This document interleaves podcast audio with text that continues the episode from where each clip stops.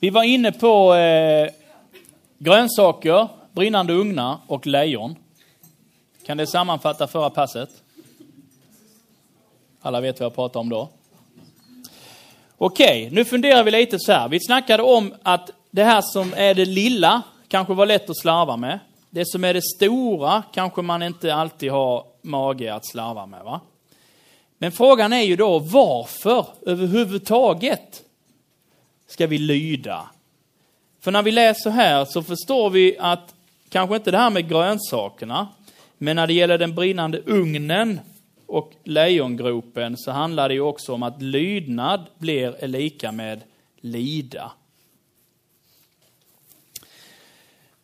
Vad är motivet till att jag ska vara trofast eller trogen Gud och min tro? Jag var inne på det här med att dopet och tron gör en människa till en kristen, till en Guds barn. Jag ska bara vänta in några. Dopet och tron gör oss till Guds barn.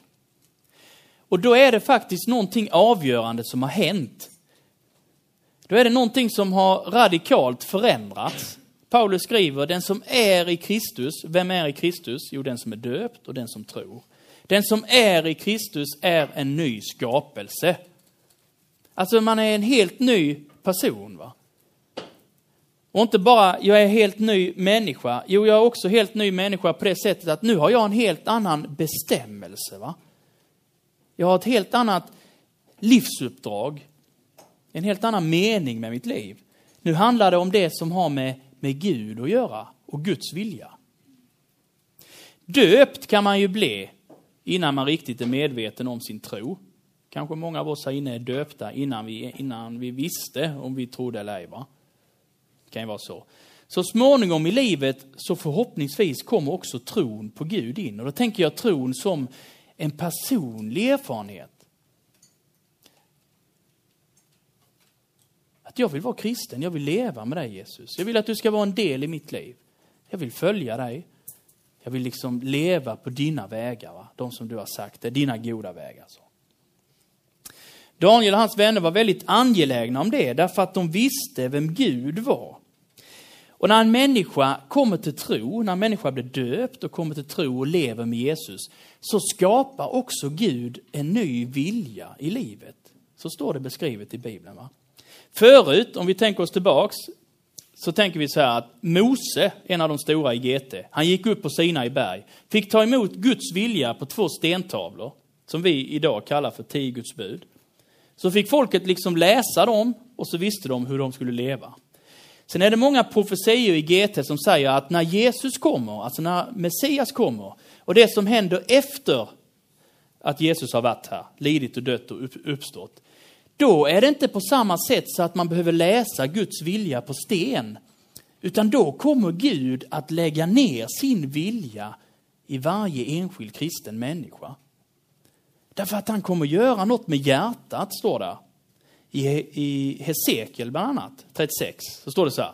Han kommer att ta bort hjärtat av sten.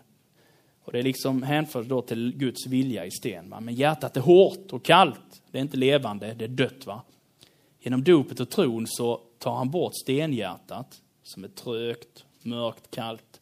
Sätt in ett hjärta av kött och det är levande, det är mjukt. va? Och i det hjärtat så skriver Gud sin vilja. En kristen kan manas inifrån i vad som är Guds vilja. Vi läser och vi lyssnar och vi får reda på Guds vilja. Den helige ande lever i en kristen och kan liksom leda hjärtat, alltså inifrån hjärtat utgår ju livet. Inifrån hjärtat kommer våra tankar och våra ambitioner, våra drömmar och vår längtan och så här. Va? I den tiden vi lever i nu, i kyrkans tid, i andens tid, så kan den helige ande driva oss människor inifrån. Och så är vår uppgift att leva med i det som är Guds undervisning så att den helige ande kan ta upp grejer i våra liv som handlar liksom om Guds ord för att leda och styra oss rätt. Är ni med på den invecklade tanken? Ibland kan man märka det som kristen. Man står i en situation. Hur ska jag göra här? Och så pluppar det upp något i huvudet kanske så här, En tanke. Kanske från Guds ord, eller från någon undervisning, eller från någon annan kristen som jag känner som har sagt något. Va? Och så får jag reda på hur jag ska välja i den situationen. Så kan det faktiskt vara. Den helige Ande använder ofta Guds ord för att liksom påminna oss om det, så att vi kan välja rätt i vardagen och gå rätt i vardagen. Varför ska vi vara trogna Gud? Jo, det ena är därför att vi vill det. Som kristen vill man det. Sen är inte den viljan utan konflikt, för vi har också en gammal människa i oss.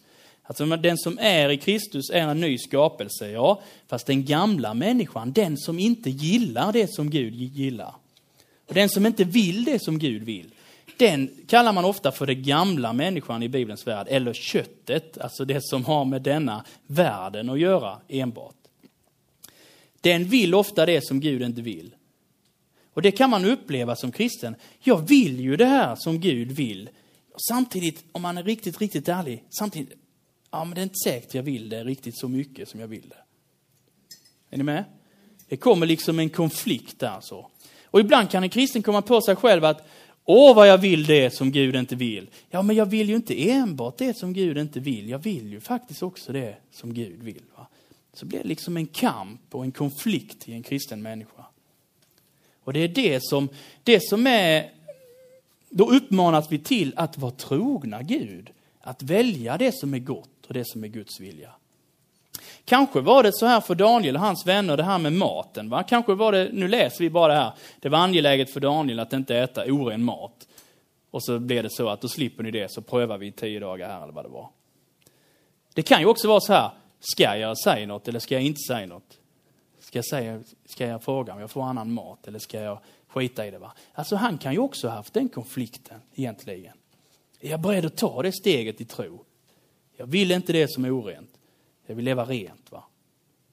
Och vi märker i Daniels bok sen, och som jag sa, va, de väljer rätt i början av boken och det gör nog att de får lättare att välja rätt sen, när det kommer större frestelser och prövningar. För en kristen är det angeläget att göra det som Gud vill, inte utan konflikt. Men Guds vilja verkar också i en kristen. Den helige Ande är där och vill styrka det som är den goda viljan. Va? Och när det gäller centrum i den kristna tron så är det ju mycket egentligen att jag har fått upptäcka att Gud älskar mig. Och jag vill älska honom tillbaks. Det är liksom den grejen egentligen. Man kan sammanfatta kristen tro och, och, och kristet liv på många olika sätt. Men att få upptäcka någonting om att Gud är god mot mig. När Jesus hänger på korset, lider och dör och uppstår, så är det för min skull. Tänk för mig. Ja, men jag som är son. Jag tänker ju på jättemycket annat som inte har med Gud att göra i livet. Om man skulle bara liksom leva de stunder man på något sätt har med Gud i tankarna eller livet att göra, så kanske man hade levt sju minuter per dag. Sen har man gått till nästa dag. Va? Vi kan inte leva fullt ut med Gud, eh, liksom eh, fullkomligt konkret närvarande så här i oss. Va? Men tanken är för en kristen att Gud mer och mer ska få hela mitt liv. Va? Och det är en vandring som man gör när man också hela tiden, många gånger, behöver välja det som är gott och det som är Guds vilja.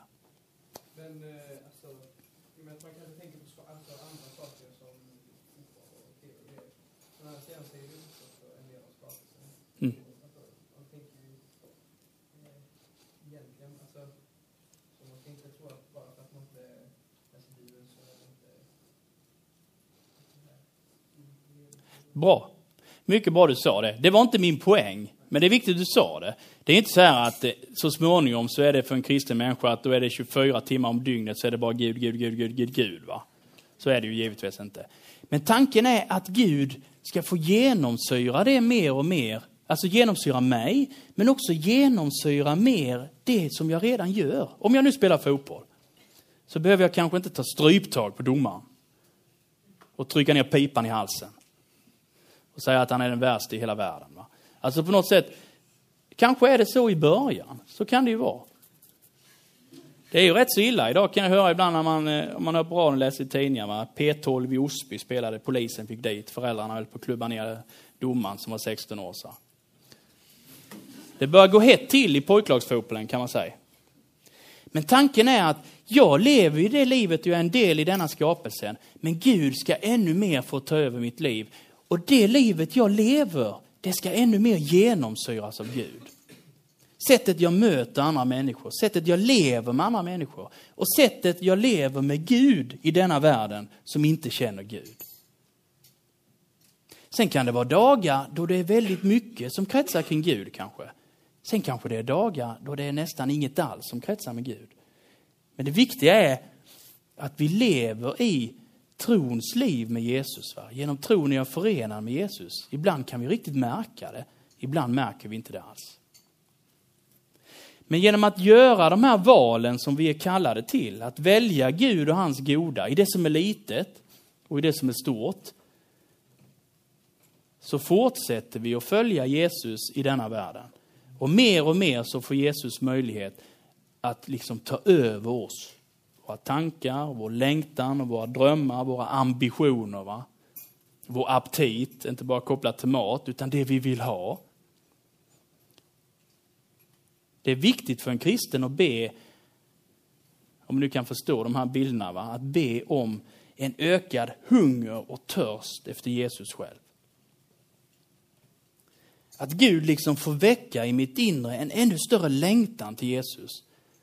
En ännu större längtan att Jesus ska få liksom ett konkret nedslag i mitt liv. Jesus, du är min. Och jag är din. Och jag vill följa dig. Idag också. I det som är litet och i det som är stort. Och då är det många gånger så att ju mer du går på den här Jesusvägen, ju mer angelägen blir du om att fortsätta gå på den. Så kan jag tycka många gånger när man får leva med människor som följer Jesus. Har man varit noga med det som är mitt lärjungaliv så föder det också en ännu större längtan att få följa Jesus ännu lite närmare. Jag vill inte ha han där borta. Jag vill att han ska vara här. Så jag får följa ännu närmare. Nu talar jag i bilder men jag hoppas ni förstår poängen där. Vi räknar ju också med anden i ett sånt här sammanhang. Varför ska man leva som kristen? När vi lever som kristna och lever som lärjungar så ärar vi Gud. Så beskrivs det många gånger i Bibeln. Genom min lydnad för det som är Guds vilja så ger jag Gud äran. Jesus säger i bergspredikan så här, låt människor se era goda gärningar. Eller låt era gärningar lysa inför... Eh,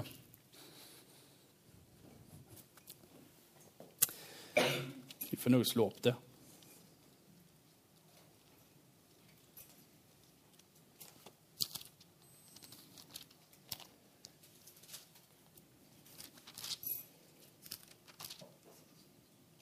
Låt på samma sätt ert ljus lysa för människorna så att de ser era goda gärningar och prisar er fader i himlen.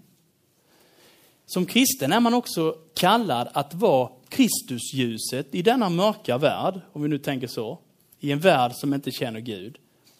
Kristus tänder ljuset i våra liv. Va? Genom dopet och tron så blir vi antända, om vi säger så.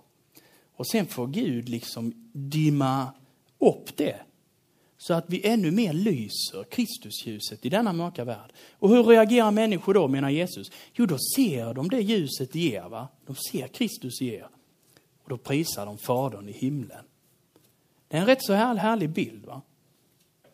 Och kallelse är också att leva ut Jesu ljus i denna mörka värld. Det ärar Gud, det upphöjer Gud. Det får människor liksom att se och ana Gud.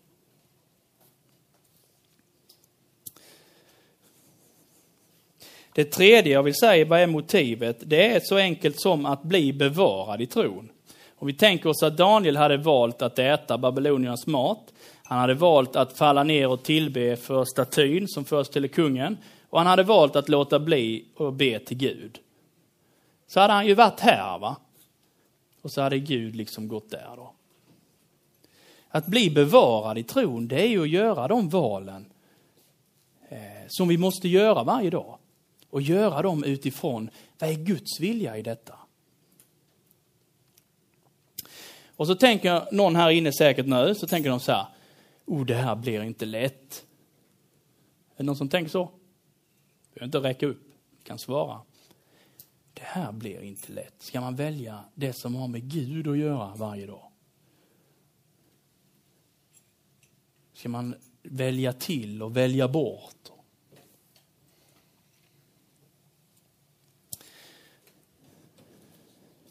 Säger Bibeln någonting mer om detta? Vi uppmanas i Filipperbrevet 2 att arbeta med fruktan och bävan på er frälsning. Alltså frälsningen, det handlar också om ett arbete. Det jag har beskrivit här nu förut, det handlar ju om att välja och att inte välja, välja bort och välja till. Va? Ja, det är ju ett arbete där som liksom inbegriper förståndet. Och inbegriper att jag har lite mer pejl på vad Gud vill och vem Gud är. För Daniel och hans vänner i Babel så innebar det att man var tillsammans. Om man läser Daniels bok så märker man att de lever tillsammans också. Va? De dyrkar Gud, de känner Gud, de andra gör inte det. Men de håller ihop. De ber till Gud. Och de var angelägna om att göra det som var Guds tanke med deras liv. Det är en kamp i våra liv varje vecka. Om nu tro och lydnad handlar om att bli, lydnad handlar om att bli bevarad i tron, så får ju frågan komma till oss, vad är vår strategi? Alltså vad har vi för strategi för att vara kristen också imorgon? Eller för att vara kristen också om en månad? Eller som jag, för att vara kristen när ni är 41. För vad har man då för strategi att bevara sin tron? För det påverkas ju hur vi lever idag. Vad jag ska, vad jag ska vara om 25 år, det handlar ju lite om vad jag väljer att vara idag. Va? Jakob sa till mig här när ni var ute och studsade och så här, rörde på benen. Det var ett flygplan som skulle flyga mellan Oslo och Stockholm. Och så såg de på instrumenten, flyginstrumenten att de låg en grad fel. Men det var ju inte så noga tänkte de. Det är ju inte så farligt. Så fick de landa i Umeå. Därför sträckan mellan Oslo och Stockholm är ju inte så jättelång, men den är ju rätt så lång som den är. Och blir det en grad fel i början så blir det liksom inte där Stockholm utan det blir Umeå där uppe. Det är 60-70 mil norr om Stockholm. Det är lite det jag har pratat om här ju. Det, vad jag ska vara sen, längre fram, ja det handlar ju om i vilken riktning jag går nu. Och så säger jag som jag sa precis innan, nu blir det jobbigt för en del, de tänker att det här blir riktigt jobbigt. Och det blir riktigt jobbigt, så jobbigt så att det också blir omöjligt egentligen. Vi har pratat mycket om Daniels trofasthet eller trohet mot Gud. Vi har pratat om vår trohet och trofasthet mot Gud. Här. Nu ska vi vända på det lite och fundera på, har Gud någon form av trofasthet gentemot oss? Och då ska vi läsa från andra Timoteus tredje kapitel. Det är rätt så långt bak i Bibeln. Andra Timoteus andra kapitel tar vi istället, så blir det det som jag hade tänkt. Andra Timoteus andra kapitel.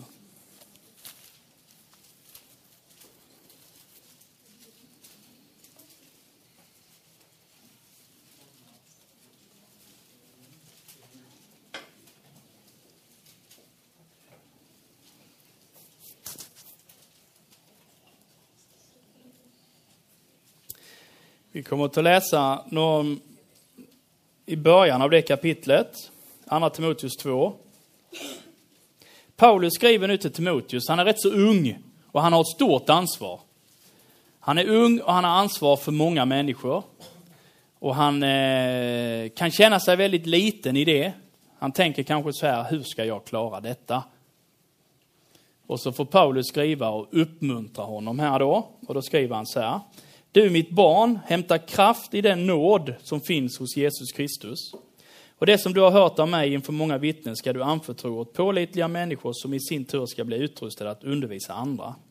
Lid också du som en god Kristi Jesus soldat. Ingen soldat är upptagen av bekymmer för sin försörjning. Han vill stå i hans tjänst som har värvat honom. Och den som tävlar blir inte krönt med segerkransen om man inte följer reglerna. Jordbrukaren som arbetar hårt bör först och främst få del av skörden. Förstå rätt vad jag säger. Herren ska ge dig insikt i allt. Tänk på Jesus Kristus som är uppstånden från de döda och som har kommit av Davids släkt enligt det evangelium jag predikar. I dess tjänst är det jag lider och till och med bär bojor som en förbrytare. Men Guds ord bär inte bojor. Därför uthärdar jag allt för de utvaldas skull, för att de ska vinna frälsningen i Kristus Jesus och den eviga härligheten. Det ordet är att lita på. Ty har vi dött med honom ska vi också leva med honom. Härdar vi ut ska vi också regera med honom. Förnekar vi honom ska han också förneka oss. Är vi trolösa, han förblir trofast, ty han kan inte förneka sig själv. De här verserna vi läste nu, det spinner mycket på det temat som vi har det här lägret. Micke Lundegård som kommer imorgon, han kommer att undervisa lite om ämnen som ligger i de här verserna. Det jag vill lyfta fram, det är det första. Daniel och hans vänner blev inte övergivna i Babel. Alltså Daniels vänner brann inte upp i ugnen. Daniel blev inte uppäten av lejonen. Och när de vägrade äta maten så blev de fetare och finare än alla andra. Fet är lika med fin. Det är inte så ofta man säger det idag. Men här så står det om en uppmuntran då som Paulus ger till Timoteus. Han börjar med att han uppmuntrar honom att hämta kraft i nåden. Det är det som handlar om att Gud har egentligen valt oss. Gud har valt oss långt före vi har valt honom. Frälsningen börjar hos Gud och överlämnas till oss som en gåva, va? till vem som vill. Vem du än är som sitter här inne så har du liksom möjlighet att få del av Guds nåd. För den är gratis till alla som vill. Den ges liksom som gåva från Gud. Där ska han hämta sin kraft, Timoteus, så han inte börjar fundera på, är jag sån så att jag liksom har rätt till att ha en del i Guds nåd? Va? Ja, Paulus får påminna honom om, det handlar ju inte om det. Nåden är ju ett färdigt paket som liksom lämnas över så här, va? till den som vill ha det. Sen förstår vi ju här att det handlar ju mycket om att vara beredd att lida när man följer Jesus. Vers 3. Lid också du som en god Kristi Jesus soldat. Och de tre bilderna som Paulus tar upp här i 3, 4, 5 och 6. Det handlar om soldat och idrottare och jordbrukare. Det är ju bilder av människor som är överlåtna, alltså som är hängivna, eller som är principfasta, om man nu får säga så. att eh, En soldat kan inte tänka så mycket på annat när han står där och fäktar. Undrar om jag stängde av kaffebryggan nu. Och så står man där och fäktar med tio personer som anfaller. Då lever man inte så länge. va? En idrottare kan inte springa liksom, eh, undrar nu om jag liksom låste bilen i parkeringshuset. Så, så blir man jätteorolig över det. Man måste vara fokuserad va? och närvarande. En jordbrukare, han får göra någonting som är liksom eh, hans uppgift. Han får ner i jorden med grejerna, sen får han vänta. Han kan inte gräva upp varje dag och kolla. Prästen i kapellet här i Kristianstad igår, han berättade om Pettersson och katten Findus. Findus han ville ju kolla ständigt om det hade liksom börjat växa. Va? Det funkade inte. Soldat, idrottsman, jordbrukare. Det handlar om fokus. Va? Var också du beredd att lid? Och så är de här tre exemplen som en uppmuntran. Se på dem som förebilder. Sen står det om att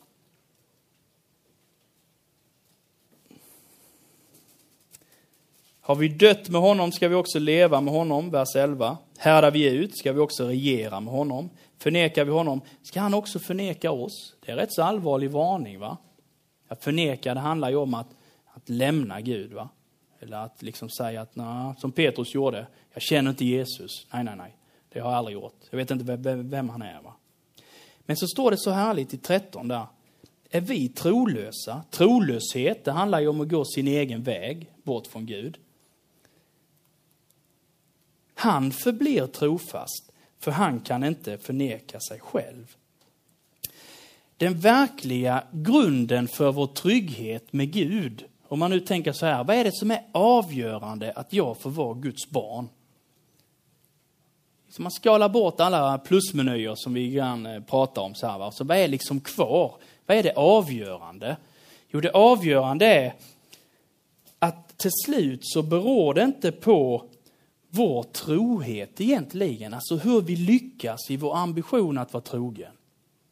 Utan det avgörande är att Gud är trogen det förbund, alltså den överenskommelse som han har gjort med mig. Och vad är det då han har gjort med mig?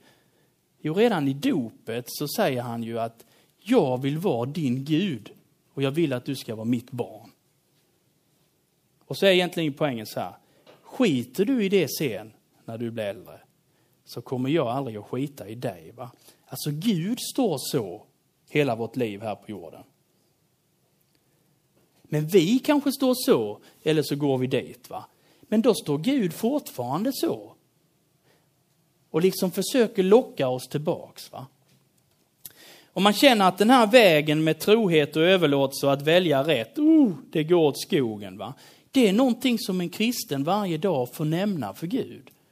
Nu såg du Jesus här att jag valde det. va. Förlåt mig det och hjälp mig liksom att vända mig till dig igen. Och att fortsätta och följa liksom på din väg. Det är det som kallas för att varje dag liksom vända sig till Gud. En daglig omvändelse säger man i den lutherska tron. Va? Att varje dag säga till Jesus om det är, va? förlåt mig det som blev fel. Och hjälp mig att följa dig nu, från och med nu. Va? Att varje dag få börja om, det är ju ett privilegium för en kristen. Problemet är när vi väljer fel och vi står kvar i det. Jag vill ha det så va. Och så väljer vi lite fel till. Ja men det vill jag inte släppa. Så väljer vi lite fel till, det släpper jag aldrig. Då får ju Gud liksom stå där med en tom famn. Va? Nåden handlar om att vi får vända tillbaks och ta emot ny nåd för en ny dag. Jag kan inte välja som Jesus gjorde när han levde, 100% rätt. va? Men Jesus vandrar med mig för att jag mer och mer ska kunna vandra på hans vägar. Så blir det fel ibland, va? ja det får vi bekänna som synd. Gode Gud, förlåt mig och hjälp mig att inte göra om det. Och hjälp mig att få ny tro och ny kraft att följa dig idag också. Det är jätteviktigt. Till tjuven sist så handlar det inte om mig. Hur mycket jag lyckas i det som är min goda vilja att följa Gud. Va? När det handlar om att Gud är trofast mot mig. Han har lovat att aldrig överge mig eller lämna mig. Och jag får varje dag lägga mig i den famnen. Gode Gud, idag vill jag också leva i din nåd och din förlåtelse. Och hjälp mig med alla de valen som jag har att göra idag. Och blir det fel så bevara mig i tron. Och vad är tron då? Jo, Jesus, du älskar mig. Du har dött för mig. Och jag får vara din. Därför att du vill det. Va? Du har sagt det. Det är liksom det kristna livet varje dag. Hämta kraft i den nåd som finns hos Kristus Jesus. Att få påminna sig om nåden. Jag får vara Guds barn idag också. Och så kommer tanken, ja men jag är ju inte perfekt. Nej, därför behöver du vara Guds barn idag också. Och leva i hans nåd. Och leva i hans förlåtelse. Och få ny tro till det. Alltså ny energi att också våga vandra liksom på Guds vägar. Ibland går det åt skogen, tvärv 90 grader. Ibland går det bara en grad. Men varje dag får jag vända tillbaks. Gode Gud, visa mig om jag är på väg bort från dig. Men jag vill följa dig och hjälp mig att göra det. Det uppmanas ofta i Bibeln om att inte tröttna. För det är faktiskt en risk. Det kan vara lätt att resonera så här att jag klarar inte leva som jag själv vill och jag klarar inte leva som Gud vill, därför skiter jag i det. Och det är djävulens tankar som kommer in och säger så. För då menar man att det är inte lönt att försöka. Jag pallar inte, jag orkar inte. Det är djävulens tankar som kommer in för att få oss bort från Gud. Guds ord säger inte det. Guds ord säger, jag vet att du inte klarar det. Men du får ändå lov att vara mitt barn, säger Gud. Du får ändå lov att hämta kraft i min nåd som jag har vunnit åt dig, fullt ut. Varje dag får du börja om. Om du gjorde ett fruktansvärt nederlag igår, om det är någon som sitter här inne, kanske gjorde något som man känner att jag föraktar mig själv för jag kunde välja så dåligt. Så är ju frestelsen för dig att tänka att då är det kört. För det säger djävulen, det är kört, va? det är inte lönt. Men Guds ord säger inte det. Om era synder än är blodröda, alltså nu är det något jättestark färg, va? de skriker, så kan de bli snövita. Det handlar om renhet. va? Och hur kan de bli det? Jo, det handlar om förlåtelsen och nåden. Ju. Jesus har burit alla dina synder och alla dina misstag och felsteg och felval. De har han betalat fullt ut. Han har tagit konsekvenserna av dem. Nu kan han ge dig ny nåd varje dag. Och det är det du uppmanas till att hämta, så att du inte tröttnar och så du inte ger upp. Utan att du fortsätter att vandra i din halvhet eller i din, eh, vad ska man säga, nu tänker jag på en full människa. En full människa kan inte gå rakt fram. Det går lite så här. Va? Vi är många lärjungar som går lite vingligt. Men det viktiga är att vi varje dag lever med Jesus. För han har lovat att aldrig lämna oss och vi får lämna oss själva till honom varje dag.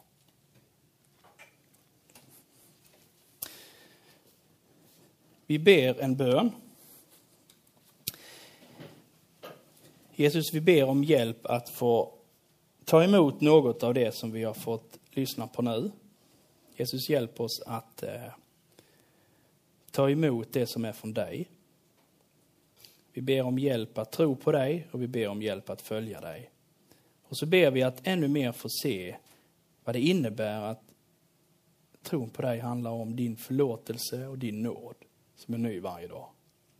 Hjälp oss att få upptäcka det ännu mycket mer och låt det få bli ännu viktigare för oss. Vi ber för de här dagarna här Jesus, att kom du riktigt nära oss och visa oss ännu mer vem Jesus är. Och ge oss en ännu större längtan och vilja inifrån som är din vilja och din längtan, att följa dig ännu närmare. Vi ber att din vilja ska ske i våra liv och det som händer här de här dagarna. I Jesu namn. Amen.